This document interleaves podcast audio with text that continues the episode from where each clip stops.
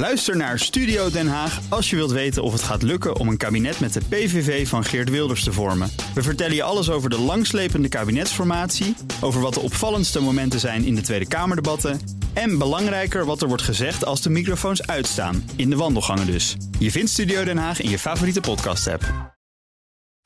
De column van Jaap Jansen. Toen ik op de VWO zat, zaten we midden in de Koude Oorlog. Maar toen ik afstudeerde in internationale betrekkingen, viel de muur.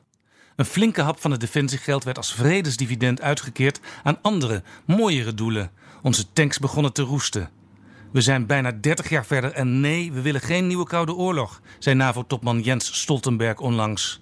Stef Blok benadrukte bij zijn eerste ontmoeting met zijn Russische collega Sergei Lavrov: er is geen sprake van een nieuwe Koude Oorlog. Al voegde hij er wel aan toe dat het moeilijke tijden zijn met Rusland. Geen Koude Oorlog dus, tot afgelopen zondag. Toen bleken we plots in oorlog met Rusland. Nederland is met de Russen in een cyberoorlog verwikkeld. Dat is wel goed om vast te stellen, zei minister Ank Bijleveld van Defensie in WNL op zondag. Goed om vast te stellen, of juist doodeng? Wil ambitieuze Ank à la Maggie Thatcher met hoofddoekje bovenop een tank naar het oosten? Als je op zondagochtend de Russen de oorlog verklaart, staan er dan wel voldoende vliegtuigen en antiraketraketten klaar? Komt de Tweede Kamer in spoedvergadering bijeen? Heeft de NAVO artikel 5 geactiveerd zoals na 9-11? Een aanval op één is een aanval op alle? Je moet wat de minister zegt niet letterlijk nemen, haastte een perswoordvoerder zich te zeggen. De soldaten blijven vooralsnog in de kazerne. Nee, er is geen sprake van een ouderwetse oorlog met marcherende troepen, schiettuigen en panzervoertuigen. Blok blijft met Lavrov praten en Rutte met Poetin. Toch lijkt nu wel het moment gekomen om niet meer weg te duiken bij de vraag of er sprake is van een nieuw soort koude oorlog. Toen onlangs vier Russische spionnen op heterdaad betrapt werden bij het uitrollen van een computerafluistersysteem naast het gebouw van de OPCW, de VN-organisatie die moet toezien op het verbod op chemische wapens, werd op het nippertje voorkomen dat de reputatie van Den Haag, stad van vrede en recht, in één klap naar de galamiezen ging.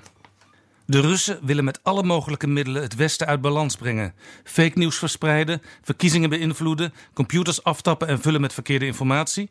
Tal van diensten zijn ermee bezig. Niet voor niets hebben de Europese Unie en de NAVO het European Center of Excellence for Countering Hybrid Threats opgericht. Waar? Aan de overkant van Sint-Petersburg, in Helsinki.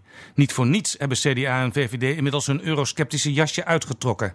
Nederland kan niet zonder Europa, zei CDA-leider Sibrand Buma onlangs op zijn laatste congres. En de nieuwe VVD-lijsttrekker Malik Asmani gaat de Europese parlementsverkiezingen in met een pleidooi voor meer Europese defensiesamenwerking. Je hoeft niet meteen de oorlog uit te roepen om je te realiseren dat een nieuwe koude oorlog al heel ernstig is. En met de technologische mogelijkheden van nu en grote groepen Poetin-verster in onze parlementen en in sommige Europese regeringen, misschien wel griezeliger dan de Koude Oorlog uit mijn jeugd.